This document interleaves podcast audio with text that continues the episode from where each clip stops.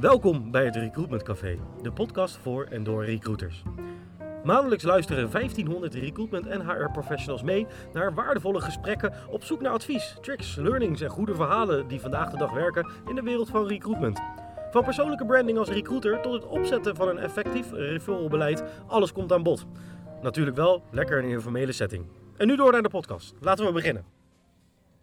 Ja, welkom bij het Recruitment Café. Ik zit hier met uh, René Herremans, voormalig directeur Employer Branding en Employee Engagement bij Albert Heijn. Tegenwoordig interim bij de Lidl verantwoordelijk voor de optimalisering, werving en behoud. Schrijver van boeken, waarvan de, de laatste binnenkort uitkomt, 11 oktober. Uh, nooit meer zonder personeel. 80% van de bedrijven worstelt met de personeelsbezetting. De druk op de werkgever en werknemer neemt daardoor steeds verder toe. We dreigen eigenlijk met z'n allen een beetje vast te lopen. Uh, een nieuwe benadering van werkgeverschap is nodig, uh, waarin mens en business beide tot hun recht komen. Welkom en bedankt voor je tijd, uh, René. Ja, graag gedaan. Um, Fijn dat ik er ben. waar, waar gaat het boek over of voor wie is het geschreven? Ja, het is eigenlijk voor uh, iedereen die zich zorgen maakt over uh, de personeelsbezitting van, uh, van het bedrijf waar hij of zij werkt. Mm -hmm. Dus voor directieleden, voor zeker HR-professionals, maar ook ieder ander die zich daarvoor voor interesseert. Ja.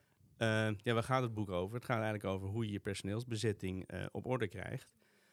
ook in deze tijd. Mm -hmm. Want ook in deze tijd kan je als werkgever genoeg personeel binnenhouden. -hmm. Weet je, al zijn er tekorten in een sector, dan hoef jij natuurlijk nog niet de werkgever te zijn die het meeste last heeft van die, uh, van die tekorten. Dat betekent dat je als werkgever uh, moet onderscheiden in de markt, uh, dat je relevant moet zijn en dat je een goed oor moet hebben voor wat je werknemers beweegt, ja. wat hun behoeften zijn, wat ze graag willen, hoe hun leven in elkaar zit. Uh, en dat je eigenlijk uh, meer contact of dichterbij, meer verbinding met je werknemers moet vinden. Mm -hmm. uh, ik noem dat relaties. Ik leg de vergelijking met relaties. en het leuke van relaties is dat die eigenlijk wederkerig zijn. Dus op het moment dat jij iets meer energie stopt in een relatie, dan is de kans dat je energie terugkrijgt, is ook veel groter. Ja. En eigenlijk is daar het idee van het boek en het concept Human Relations Management uh, op gebaseerd. Ja. Wat zich eigenlijk dan, ja, het is ook HRM, maar dan net even anders dan Human Resources. Het is meer Human Relations, het is eigenlijk wat warmer. Ja. Uh, zou je kunnen zeggen. Ja, en, en uh, was er een bepaald moment dat je meemaakte dat je dacht: oké, okay, nu moet ik dit boek gaan schrijven? Of wat was de trigger wellicht? Nou, het is eigenlijk een beetje een, een groeiproces. Het is mijn derde ja. managementboek. En eigenlijk het eerste boek was mijn kennismaking vanuit de marketingachtergrond uh, in de HR-wereld. En uh, daar verbaasde ik me eigenlijk over hoe weinig uh, HR-mensen in het algemeen van communicatie weten. We hebben het nu over twintig jaar terug. Ja, okay. en daar eigenlijk een soort marketingperspectief op HR neer, neergezet. Met het boek Werknemer wordt klant. En eigenlijk daar al het begin voor een relatie, voor het bekijken vanuit relatiemanagement naar je werknemers. En vervolgens is daar de merkmotor achteraan gekomen. Het ging over relaties met medewerkers en klanten. En eigenlijk het onvermogen van organisaties om daar mee te bewegen in uh, persoonlijke uh, voorkeuren van mensen. En um, ja, in de praktijk, in mijn, uh, met name bij Albert Heijn, heb ik ook geleerd hoe je als je vanuit relaties denkt, wat wel werkt en wat minder goed werkt. En eigenlijk daar is dit boek uit ontstaan en het idee van Human Relations Management. Ja, waar gaan de, de meeste bedrijven nou echt de fout in, als het hier om gaat? De meeste bedrijven gaan de fout in dat ze vanuit zichzelf redeneren. Ja, dus uh, niet uh, wat in het voor me als medewerker. Nee, dat, uh, of voor de medewerker bedenken, wat denk je dat zij belangrijk vinden? Een, een leuk praktisch voorbeeld van mijn Albert Heijn tijd was... toen was ik vooral bezig met het werven van bijbaan mensen. En daar bij de bijbaners, uh, daar is een enorm hoog verloop. Ja. Dat dus, is, niet heel, is niet heel raar, toch? In principe, want ze gaan verder, zijn afgestudeerd. En, uh, en daar, ja, ja. Ja, ja, maar het uh, verloop is vooral ook hoog in het eerste jaar. En dan zijn ze nog niet afgestudeerd, nee. zijn ze ook nog niet verder, zitten ze nog steeds op dezelfde school. dus eigenlijk gaat het over het verloop wat binnen een jaar al is. Dat is soms al bijna 60% van de mensen die ze werven, die is dan al weg. Dat is een aardige kostenpost. dat is een aardige kostenpost.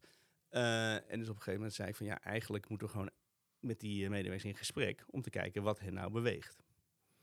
Nou was de eerste reactie van, nou ja, ze willen gewoon een duurdere scooter of ze willen meer geld of ze willen, nou, eigenlijk altijd geredeneerd naar geld. Ja. Hebben we toch gedaan. En uiteindelijk kwam daar vanuit de medewerkers vooral de terugkoppeling, we willen meer aandacht. Ja. We willen eigenlijk meer gezien worden, meer erkend worden. En, Want ook was dat dan dat, dat ze dan dat je allemaal gewoon mensen die die opgezegd hebben even uitgenodigd had voor een kop koffie van joh, nou, om mensen die opzeggen is, is, meest, is, is vrij lastig, want die hebben er geen zin meer in. Ja, maar misschien komen ze toch ergens in contact ja, om, ja, ja, dat is, om wat meer nee, te we, we, zijn met uh, medewerkers die er nog wel waren mm -hmm. uh, gevraagd van oké, waarom ben je er nog wel? En waarom zijn uh, de vrienden die je eerst had, zijn die er niet meer? Mm -hmm. Dus vanuit daar zijn we, zijn we daar achter gekomen. Dus wat zij zelf meemaken en wat ze horen van de vrienden die we weg zijn. En uh, ja, dan blijkt dus inderdaad dat uh, niets menselijks ook de puber vreemd is. Mm -hmm. Dat die ook gewoon aandacht wil. En toen hebben we eigenlijk een heel slim aandacht, of heel eenvoudig aandacht afvinklijstje gemaakt. Van als iemand binnenkomt, even hallo zeggen. Als iemand een weekje werkt, even checken hoe het ermee is. Mm -hmm. En dat klinkt heel bazaal. Maar het is in, ja, eigenlijk in een supermarkt mensen werken hele, hebben hele kleine contracten. Ze werken dus uh, verspreid over de hele week. Dus het is niet per se zo dat je als teamleider al je mensen tegenkomt binnen je rooster. Want je, als teamleider heb je ook maar weinig uur. Dus je moet echt wel heel bewust nagaan, oké, zie ik iedereen wel en zie ik iedereen op tijd. Dus het is niet zo raar van, uh, goh, uh, die teamleiders deden helemaal niks. Nee, het is meer dat het praktisch onhandig is om echt die aandacht te geven. Dat hebben we daarmee mee opgelost. Wat wel altijd lastig is met aandacht geven, het voordeel is, het kost niet zoveel. Mhm. Het nadeel is dat als je het niet doet vanuit een zekere interesse, dan denkt iedereen, ja, wat moet je nou met me van? En want dat voel je meteen of iemand wel geïnteresseerd is in jouw uh, verhaal. Of, of een lijstje aan het afvinken is. Of een lijstje aan het afvinken is. Ja. En dat is, um, ja, dat blijft lastig uh, te grijpen. Maar dan, dan, dan moet je die teamleiders weer gaan trainen. Ja, ja. ja. dus wat je eigenlijk ziet is, nou, het ging eigenlijk vooral vanuit de supermarktmanager of die het belangrijk vond. De supermarktmanagers die er enthousiast op reageren en aan de slag gingen, daar werkte prima. Mhm. De supermarktmanagers die het gevoel hadden dat ze weer een klus erbij, een, een taak erbij hadden, ja. die hadden, daar werkte eigenlijk helemaal niet. Nee, nee, nee. En, en het boek uh, Nooit uh, meer zonder personeel. Uh, bestond voor mij uit een aantal pijlers, hadden wij het er eerder over uh, ja, gehad, geloof ik. Hè? Welke, welke vier waren dat?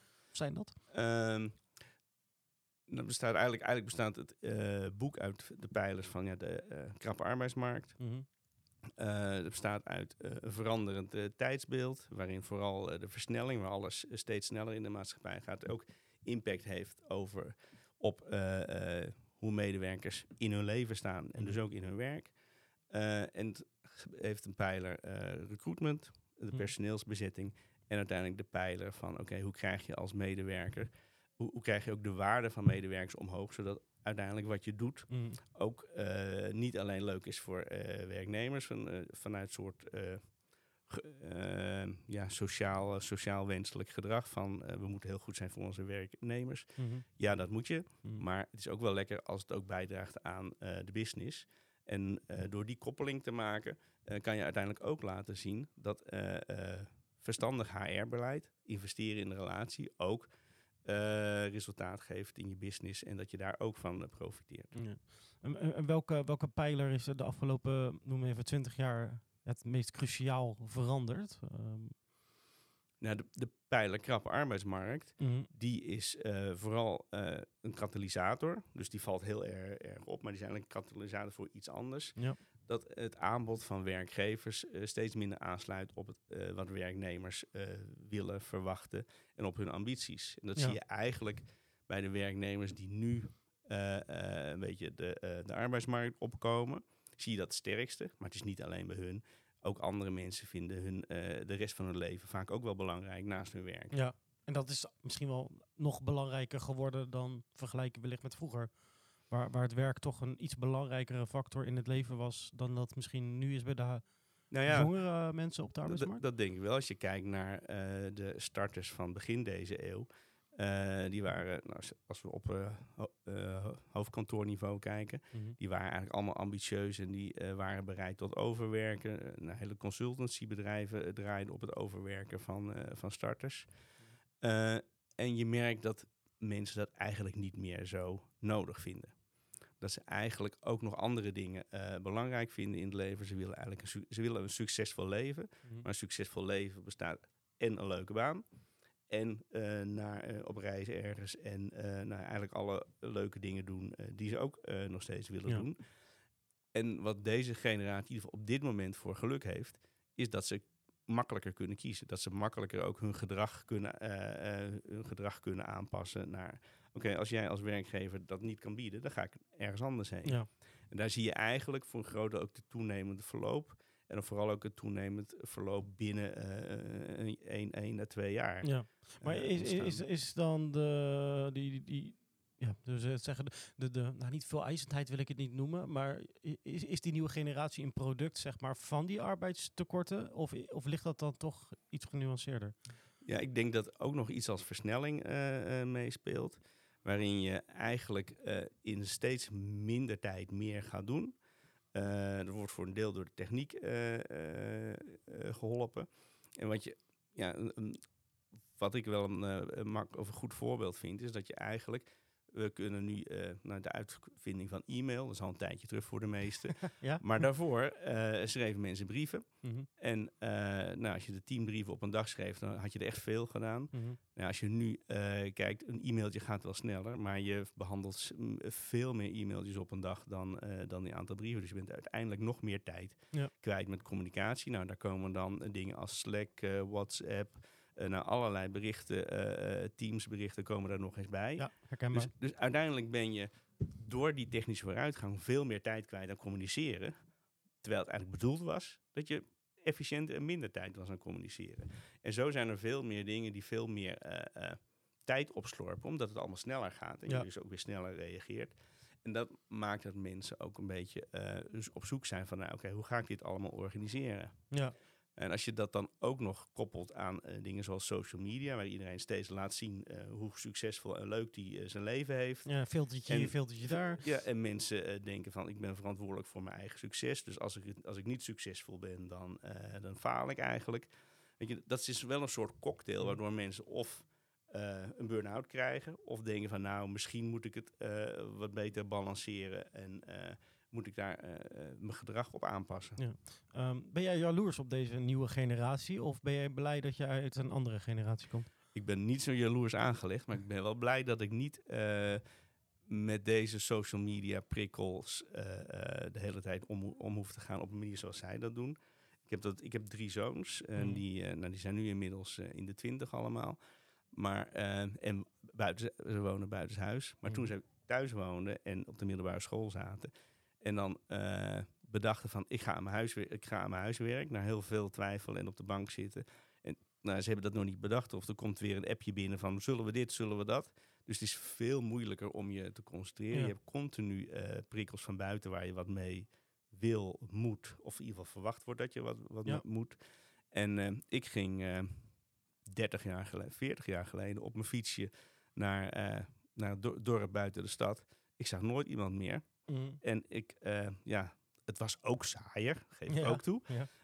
Um, maar je kon je wel makkelijker concentreren en richten op uh, iets wat je je voorgenomen had. Ja, ja, ja. Een beetje de, de, ze zeggen altijd, je hebt een beetje de concentratiespannen van een goudvis. Maar de goudvis heeft al een langere concentratiespannen nu als de mensen op sommige uh, Ja, dat zou zomaar kunnen, uh, ja. ja. volgens mij is dat, hebben we het over een aantal secondes, ja. inderdaad. Hey, nooit meer zonder personeel. Wat zijn nou even de key takeaways, zonder dat mensen het boek niet meer hoeven te kopen? Want dat is ook weer niet de bedoeling van deze podcast natuurlijk. Nee, nee, nee. maar wat zijn een beetje de key takeaways uit het boek in de sens van low-hanging fruit qua, qua tips voor mensen die luisteren en waarschijnlijk heel veel recruitment en, en HR-professionals die uh, waarvan denk ik behoud van personeel zal uh, bovenop het uh, lijstje staan voor Ja. de komende jaren, denk ik zo.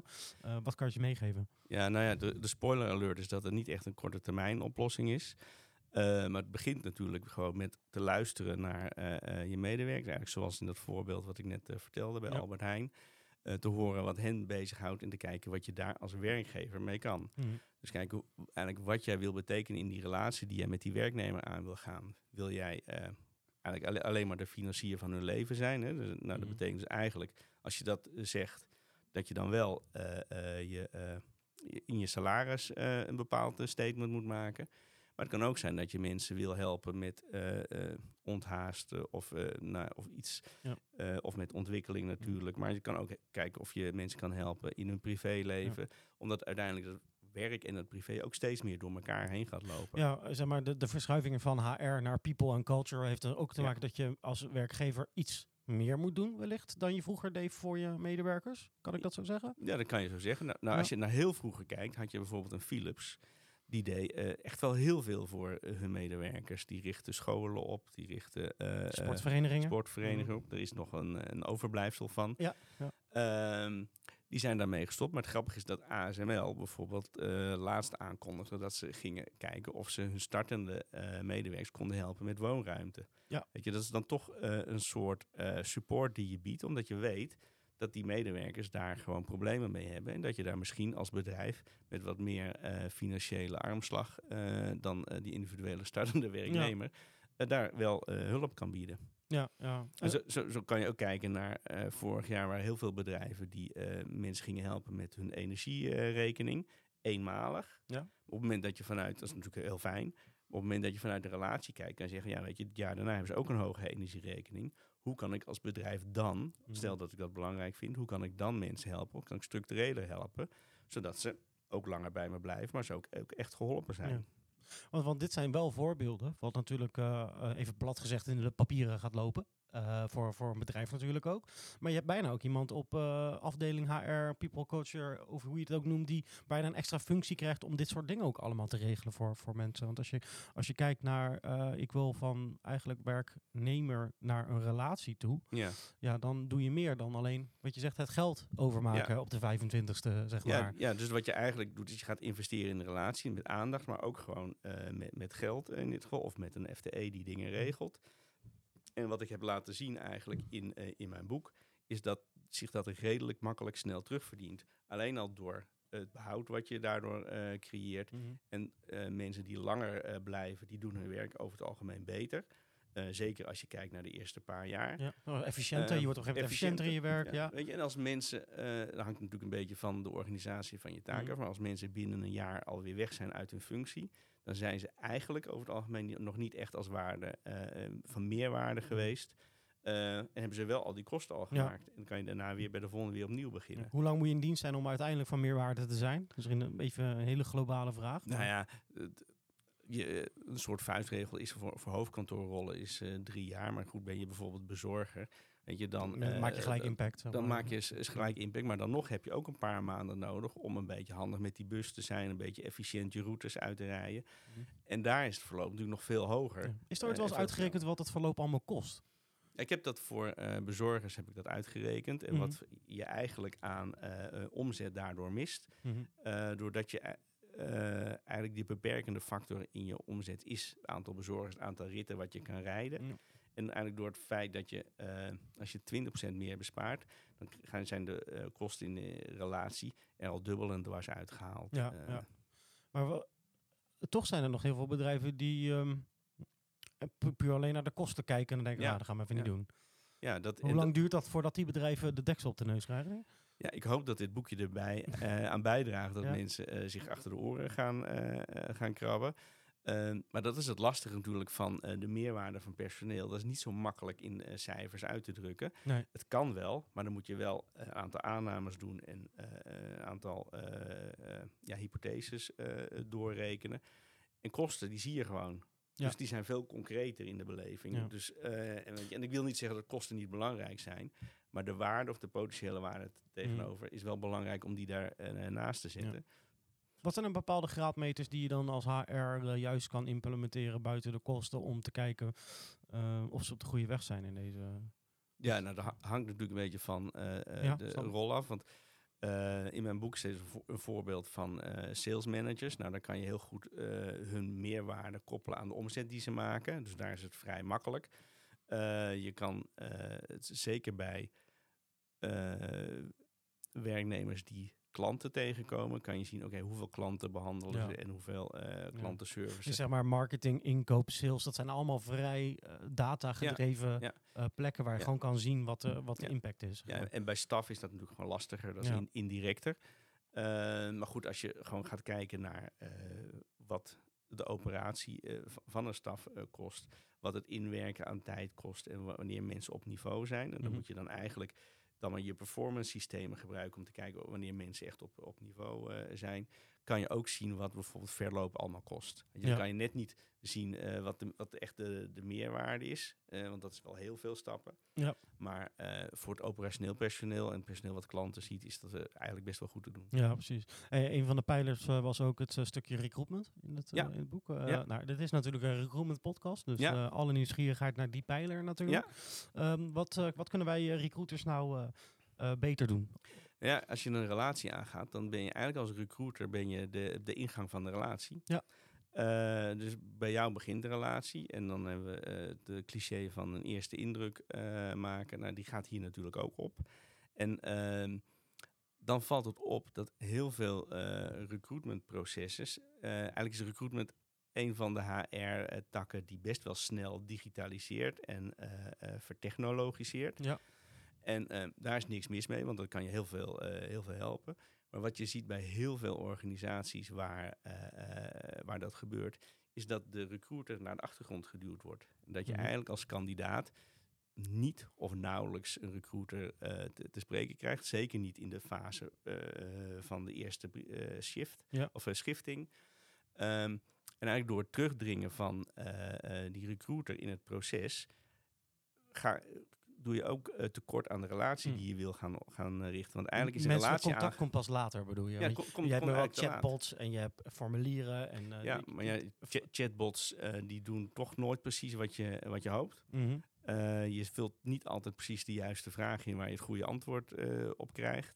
En eh, ja, ik heb die analyse nooit gedaan, maar je zou eens moeten kijken wat voor eh, gevloeken je altijd in chatbots ook terugkrijgt als mensen op een gegeven moment vastlopen in een Ja. chatbot. Weet je, en dat doet niet eh, veel goeds aan je reputatie. En op het moment dat je mensen afwijst en die hebben geen idee waarom. En ze kunnen ook niet bij iemand terecht om te vragen, goh, waarom, want misschien kan ik er nog wat van leren. Ja. Weet je, dan doet dat ook als in je reputatie als werkgever, doet dat geen goed. Want Mhm. uiteindelijk eh, kennen mensen, eh, best vaak mensen die al ergens bij een organisatie werken of daar contact mee hebben gehad. En laten zich veel makkelijker beïnvloeden door wat hun ervaring zijn dan wat een organisatie over zichzelf vertelt. Ja. Dus ook het ambassadeurschap, eh, wat je eigenlijk moet koesteren, eh, wordt, dat wordt belangrijker in recruitment via via eh, komen mensen steeds makkelijker en het wordt steeds meer eh, gekeken van oké, wat vertellen anderen over die werkgever. En ehm, op het moment dat je daar als recruiter geen rol meer in speelt, ja, dan ja, als mensen teleurgesteld zijn, zijn ze teleurgesteld. En dat kan dan de vrije, de vrije loop krijgen. Ja, precies. Dus, dus eh, hou je recruiters gewoon vooraan in het proces. Het eerste contact is wel Ja, Ja, advies. ja, eh, of, oh, zorg dat de menselijke factor in, eh, in het proces blijft. Er is iemand die zei van ja, hoe meer technologie, hoe belangrijker de mens. En dat gaat zeker bij recruitment eigenlijk op. eigenlijk, in, in hoeverre ben je er dan voorstander van recruitment technologie? Dus steeds meer, dat het dan misschien aan de voorkant eh, wat meer geautomatiseerd wordt.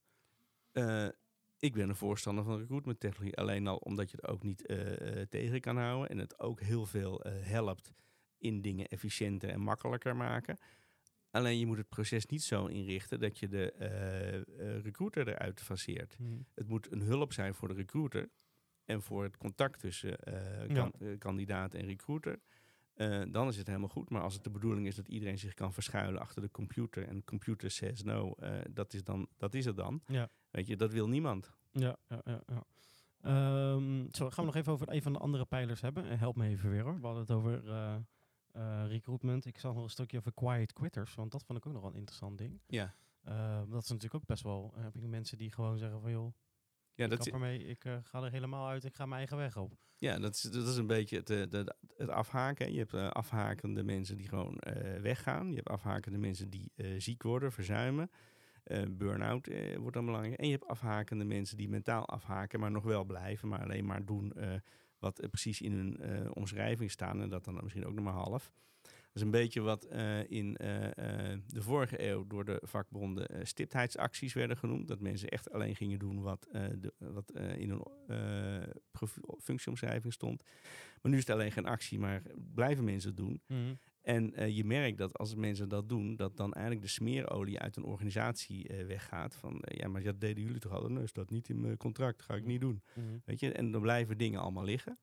Ehm, en ja, dat is voor een organisatie super schadelijk, omdat dan eigenlijk dan de verbinding tussen de verschillende afdelingen ook uh, kwijtraakt. Ja. Of alles wat. Uh, Want in principe is daar, je stel dat je als medewerker een contract hebt getekend en je hebt hier je uh, lijstje met verantwoordelijkheden binnen die rol, sta je in principe gewoon in je recht om zeggen, dit doe ik. Ja, ja. En uh, om vijf uur gaat het laptopje dicht. Ja, dat gaat ook. Dat, en dat, nou ja, dat doen ze dan ook. Want, Ja. dan gaan ze Eh, en- leuke wat- dingen doen. Ja, eh, maar waar, wat maakt dat een bedrijf het voor elkaar kan krijgen dat mensen dat toch nog even een half uurtje verder werken of net buiten het functieprofiel even iets regelen of fixen? Of... Nou, dat is als een bedrijf eh, het lukt om op de drijfveren van iemand ja, mensen aan te spreken.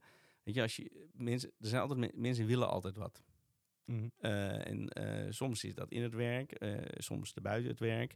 Maar als je weet wat mensen beweegt en motiveert Mhm. en daar eh, hen op uitdaagt, dan, Mhm. gaan ze, eh, dan gaan ze voor je eh, die extra stap Ja. zetten. Dus inderdaad die motivatoren, maar ook het stukje ja, kunnen inleven in, in hun, hun problemen. Kun, nou ja, weet je, als je, als je dus een relatie hebt waarbij je het gevoel hebt dat je iemand jou erkent en waardeert en snapt, dan gun je ook mensen makkelijker dat je wat extra wer- werk verzet. Dus dat maakt het ook makkelijker. Ja, ja, ja. Dus het is eigenlijk, eh, eh, kom je terug bij de basis, luister nou gewoon eens heel goed naar je mensen. Het is geen rocket science, zoals we geen- net in het begin al zeiden. Ja, het is, maar je moet gewoon eh, de relatie belangrijk Ja. maken. Of gewoon, je moet de relatie belangrijk maken. En vooral ook het feit dat je in de relatie ontwikkelt. Ja, Dus dat op het moment dat je in, nou, in de consumentenwereld iets koopt, dan heb je een transactie en heb je eigenlijk de waardeoverdracht op dat moment. Ja. Op het moment dat je een werknemer koopt, zou ik maar zeggen, dan heb je nog niks. Nee. Sterker nog, heb je vooral kosten en, en en inwerkkosten. En die opbrengst komt echt pas later en die groeit ook pas eh, over langere tijd.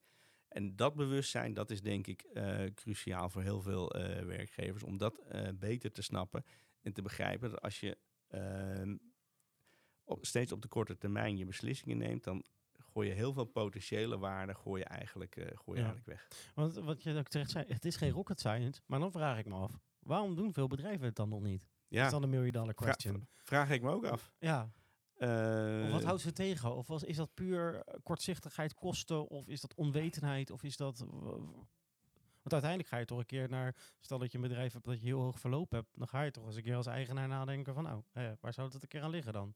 Ja, ja. Nou ja, het, eh, het is wa- wat ik eigenlijk in al, al die in mijn vorige boek ook al, al zag, is dat het voor organisaties heel moeilijk is om op mensen te kunnen reageren. Dat zie je natuurlijk met heel- al die eh, eh, verhalen over klantenservices die, eh, die niet aansluiten op de, de klachten of de vragen Mm. van klanten. Of zelfs opleidingen die meer aan, of- niet meer aansluiten op het werkveld. Ja, en, en, en organisaties proberen dat allemaal in processen te, te gieten. En het lastige van een mens is dat die duizend en één, op duizend en één manieren kan reageren op iets. Mhm. En een proces kan je misschien met eh, tien manieren, nou, als je heel hard nadenkt, misschien met 30 over dertig manieren Mhm. eh, eh, daar iets, een oplossing voor bedenken. Maar niet voor die duizend en één. Dus er zijn altijd miscommunicaties. En je hebt dus eigenlijk altijd, in ieder geval met de huidige stand van de techniek, altijd nog mensen nodig om echt te snappen Ja. wat iemand beweegt. Ja. En door die mensen eigenlijk steeds meer minder belangrijk te maken en het proces en de efficiëntie belangrijker, zijn we denk ik nu in een, eh, in een fase gekomen dat er niet veel meer efficiëntie, efficiëntie meer te halen is door nog strakker aan normen Ja. te trekken. Sterker nog, ik denk dat je eerder door de normen in veel gevallen nog ver, als je die nog verder verhoogt, dat mensen nog meer afhaken en denken, ga het niet Ja. meer doen. En Eh, je van van processes, je gaat eigenlijk meer van processes naar people. Ja, weet je, en die Eh, processen helpen mensen ook ja. wel. Maar er zit een grens aan hoe, eh, hoe strak je die Ja. processen kan, eh, kan zetten. Ja. En als je nou zegt, nou hey, van, ik snap het helemaal. van processes meer naar people. Processes is, is geen doel, maar is een middel. Het gaat om de people. Hoe kan je dan zeg maar je huidige HR-kamer anders even inrichten, om het zo te zeggen, om wat meer te zorgen dat je wat beter aansluit met de mensen? Ja, nou, het beg- begint eigenlijk met de, de eerste, nou, met naar te luisteren naar Ja. de mensen die je nu hebt. En dan voor jou als werkgever te bepalen, oké, wat wil ik dan bijdragen in het leven van die mensen als werkgever? Waar, eh, wat, hoe wil ik die eh, relatie die we dan hebben van, waar, van waarde maken? En liefst ook nog, hoe onderscheid ik me daarin ten opzichte van andere werkgevers? Ja. Want we zoeken allemaal naar de, voor, eh, de voorkeur van eh, werknemers. En daar hoort onderscheid bij, want anders kan je niet een voorkeur voor iets hebben. Ja. En je merkt dat heel veel in ieder geval HR-professionals het lastig vinden om onderscheid te maken in hun werk. Of om voor iets te kiezen wat misschien niet iedereen leuk vindt, maar een groot aandeel wel. Je zegt, ja, maar als niet iedereen het leuk vindt, ja, dan mis ik misschien nog mensen die eventueel wel eh, zouden willen komen werken. Het, het, ja, maar dan geldt, dan geldt hier wel een soort marketingwijze. Dat als je voor iedereen leuk probeert te zijn, dan het beste wat je kan bereiken is dat mensen niks op je tegen hebben. Uh, maar er is nooit iemand die zegt, nou weet je, hier ga ik echt voor, want dit is echt zo onwijs cool. Mhm. Dus je moet iets vinden waar jij als werkgever op wil onderscheiden. En dat moet je groot maken. En, en heb je dan daar een voorbeeld van? Van, van uh, een werkgever die dat heel duidelijk uh, nu of goed voor elkaar heeft, of heel duidelijk voor elkaar heeft om het wat concreter te maken voor de luisteraars? Ja, je hebt bijvoorbeeld uh, TBI Techniek. Die hebben een schoolfonds voor de kinderen van medewerkers. Weet je, en dat gebruiken zij heel erg om, om te laten zien dat zij het belangrijk vinden, dat ze opleiding belangrijk vinden, maar dat ze dat ook belangrijk vinden voor hun medewerkers, omdat ze weten dat het ook straks duurder wordt voor die medewerkers om daar om hun kinderen nog te laten studeren als ze dat willen. Dus ze hebben daar een keuze in gemaakt van oké, weet daar willen we een extra, uh, extra stap zetten en dat vergroten we dan uit. Ja, en dan, dan, dan kijk je naar de organisatie, waar staan we voor? Wat vinden we belangrijk? Ja. Want je kan niet alles doen. Je kan niet zeggen en we beginnen sportscholen uh, en we doen uh, zorgpremie mee betalen. En dus je moet keuzes je, maken. Je keuze maken. En, ik, en ik denk dat bij TBI ook dan meespeelt. Nou, dan hopen ze dat, dat technische interesse enigszins genetisch is. Dus dat veel van die mensen techniek kiezen en dan eigenlijk ook zo uh, al voor de uh, serieus langere termijn uh, kijken of om, om, wel genoeg mensen ook weer, ja. weer te krijgen. Liep Anton Philips dan zo ver vooruit? Ja, nou hij niet alleen. Dat waren heel veel corporates in die tijd die, dat, uh, die dat deden. Maar, maar zijn we dat verloren dan in die tussentijd? Dat zijn we Want de, de start van Philips hebben we het over begin negen, ik zeg even wat, nou, 19, 20, 30, nou, 40. Ik weet niet wanneer maar, maar, maar, hun hoogtijdagen in van wat dat ze uh, echt voor werknemers uh, gingen zorgen was in de jaren 50, 60. En je ziet eigenlijk nog het, in het Philipsdorp bij Eindhoven ja. zie je ook daar nog de restanten van. Um, ja, weet je, het, in deze tijd zou je zeggen, het slaat wat door, want het wordt paternalistisch. Mm. Maar de zorg die eruit sprak, die kwam ook uiteindelijk voort van, je weet je, de arbeiders hadden toen, in, in die tijd, toen het begon, nou, die hadden echt een uh, armoedig bestaan natuurlijk. Dus ze zeggen, ja, die had ook al door van, ja, als ik hun bestaan een beetje op orde krijg, dan gaan ze ook beter uh, werk leveren. Ja. Dan komen we weer bij bestaanszekerheid uit wat in de Kamer nu zo'n hot nou topic is. Weet je, en dat zie je nu, nu ook terug. En, en, ergens is er, uh, eind vorige eeuw, is die efficiency slagen zijn gemaakt. En ze zeggen, ja, het is allemaal wel duur en dergelijke. Nou, en bij Philips hadden ze ook af en toe eigen wc-potten in, in, in de Philips huizen staan. Ja, de vraag is hoe zinvol dat dan is inderdaad. Ja. Um, maar het is nu wel ver doorgeslagen. Uh, en eigenlijk is het hele, het hele flex uh, gebruik van met name operationeel personeel, uh, waarbij sommige bedrijven met meer flexkrachten werken dan met vaste krachten. Mm -hmm. Ja, dat is, was net niet het idee van flex. Nee. En wat je eigenlijk doet, is ja, je houdt de capaciteit hou je heel flexibel. Maar de ervaring in je organisatie, die waardeer je eigenlijk helemaal niet. En mensen, uh, doordat er dan heel groot verloop is, verlies je zoveel waarde en zoveel kracht van je organisatie. Ja. En dat is echt super zonde. Ja, ja. Um, want inderdaad, uh, vroeger deden ze het eigenlijk beter op dat punt dan we nu doen. Zullen, kunnen we dat zo misschien een beetje Op zeggen? dit punt wel, ja. ja? ja. Um, toen uh, kwam er een bepaalde soort efficiëntie in de sens van ja, iedereen heeft het al goed, waarom moeten we dit als organisatie nog doen? Nou ja, is het dan en, nu zo dat we misschien uh, de economie even wat terugkrabbelt, zeg maar, dat het uh, op bepaalde punten allemaal wat krapper wordt, of het nou de huizenmarkt is of de, de portemonnee, of kan van alles zijn, dat het dan juist weer die kant op gaat waar Philips dan eerder was? Of ja, ik denk dat het. Dat of is het een stukje maatschappelijk verantwoordelijk bezig zijn? Makkelijk, uh, denk ik. Het is eigenlijk de. Uh, er spelen nu wel een aantal andere dingen de aandeelhoudersdruk is veel groter uh, dan, dan het toen was. De marge is veel groter. Het is veel meer korte termijn uh, gedrag. Dus dat ja. speelt allemaal mee. Um, en wat je nu eigenlijk ziet is dat zowel werkgever als werknemers eigenlijk onder druk staan. Werkgevers omdat ze te weinig personeel hebben en de operatie niet rondkrijgen. Maar werknemers ook omdat ze te hard moeten werken, vinden ze zelf. Onder druk staan nog nooit zoveel verzuim en burn-out geweest als uh, de afgelopen jaar. Um, dus eigenlijk waar vroeger de, of de werknemer uh, de druk voelde van een krappe arbeidsmarkt, uh, of van een, een, grote arbeidsmarkt maar weinig aanbieders, of de werkgever andersom, is die conjunctuur eigenlijk nu niet van. Nu houden ze elkaar een soort in de greep van allebei onder druk. Terwijl je eigenlijk vanuit die relatie kan zeggen, weet je, misschien moet kunnen, kunnen door die relatie te koesteren allebei onder die druk uitkomen. Ja, ja. Zo, voor mij is het altijd goede relaties bestaan uit twee mensen die samen 100% willen geven, maar waar ze eigenlijk alle twee 60 geven. Dat is een beetje, eh, dat het altijd 60-40 is, waar ze alle twee streven naar 60, zeg maar. Uh, ik, nou, die, die snap nee? ik niet. Oké, nee, ik zal een hele mooie, sorry, ik zal hem even uitleggen, een hele mooie quote over relaties. Even, ja, ja. Uh, en relaties is nooit helemaal 50-50 in het leven. Nee, uh, nee. Vaak 60-40, maar de beste relaties zijn waar 60-40 is, waar ze alle twee streven om die 60% ja, te zijn, ja, zeg maar. Nee, dat snap ik. En, en daar, daar, daar moeten we weer wat meer naartoe, denk ik. En ik denk dat de bal bij werkgevers ligt dat zij eigenlijk die eerste stap moeten zetten. Want er is ook heel veel wantrouwen natuurlijk ontstaan bij uh, heel veel werknemers over hoe werkgevers met hun werknemers om zijn gegaan de afgelopen jaren. Uh, en op het moment dat zij laten zien, uh, we geven echt om jullie, en niet alleen in uh, woord, maar ook in daad, ja. dan uh, op basis van de wederkerigheid van relaties gaan mensen ook meer hun best doen, wat we net al benoemd hadden. En hebben we dan ook gelijk het kern van het boek te pakken? In, in dat is dan ook de kern van het boek. Ja, en, en het boek beschrijft dan allemaal voorbeelden en, en, en uh, mogelijkheden om die relatie wederkerig te laten zien. Ja, het, het beschrijft eigenlijk, eigenlijk een, wat achtergrond van waarom die relatie belangrijk wordt. Uiteindelijk introduceer ik daar het uh, Human Relations Management model, ja. waarin je eigenlijk ziet dat personeelsbezetting, uh, medewerkerwaarde en businesswaarde uh, aan elkaar gekoppeld zijn door de relatie. Ja. En ik geef een aantal handvatten over hoe, uh, hoe je aan die relatie kan beginnen te werken. Duidelijk. Mag ik je bedanken voor je tijd. Ja, en graag voor de, voor de luisteraars die natuurlijk uh, interesse hebben om het uh, boek te lezen. Het boek komt 11 oktober uit, maar is natuurlijk te pre-orderen. Dat kan natuurlijk via de bekende wegen op bol.com, maar ook op uh, managementrelaties.nl en ik zag ook managementboek.nl. Ja, ja. dus interesse, check hem daar, koop hem, lees hem en doe je hier voordeel uit. En voor nu wil ik jullie weer bedanken voor het luisteren en natuurlijk tot de volgende.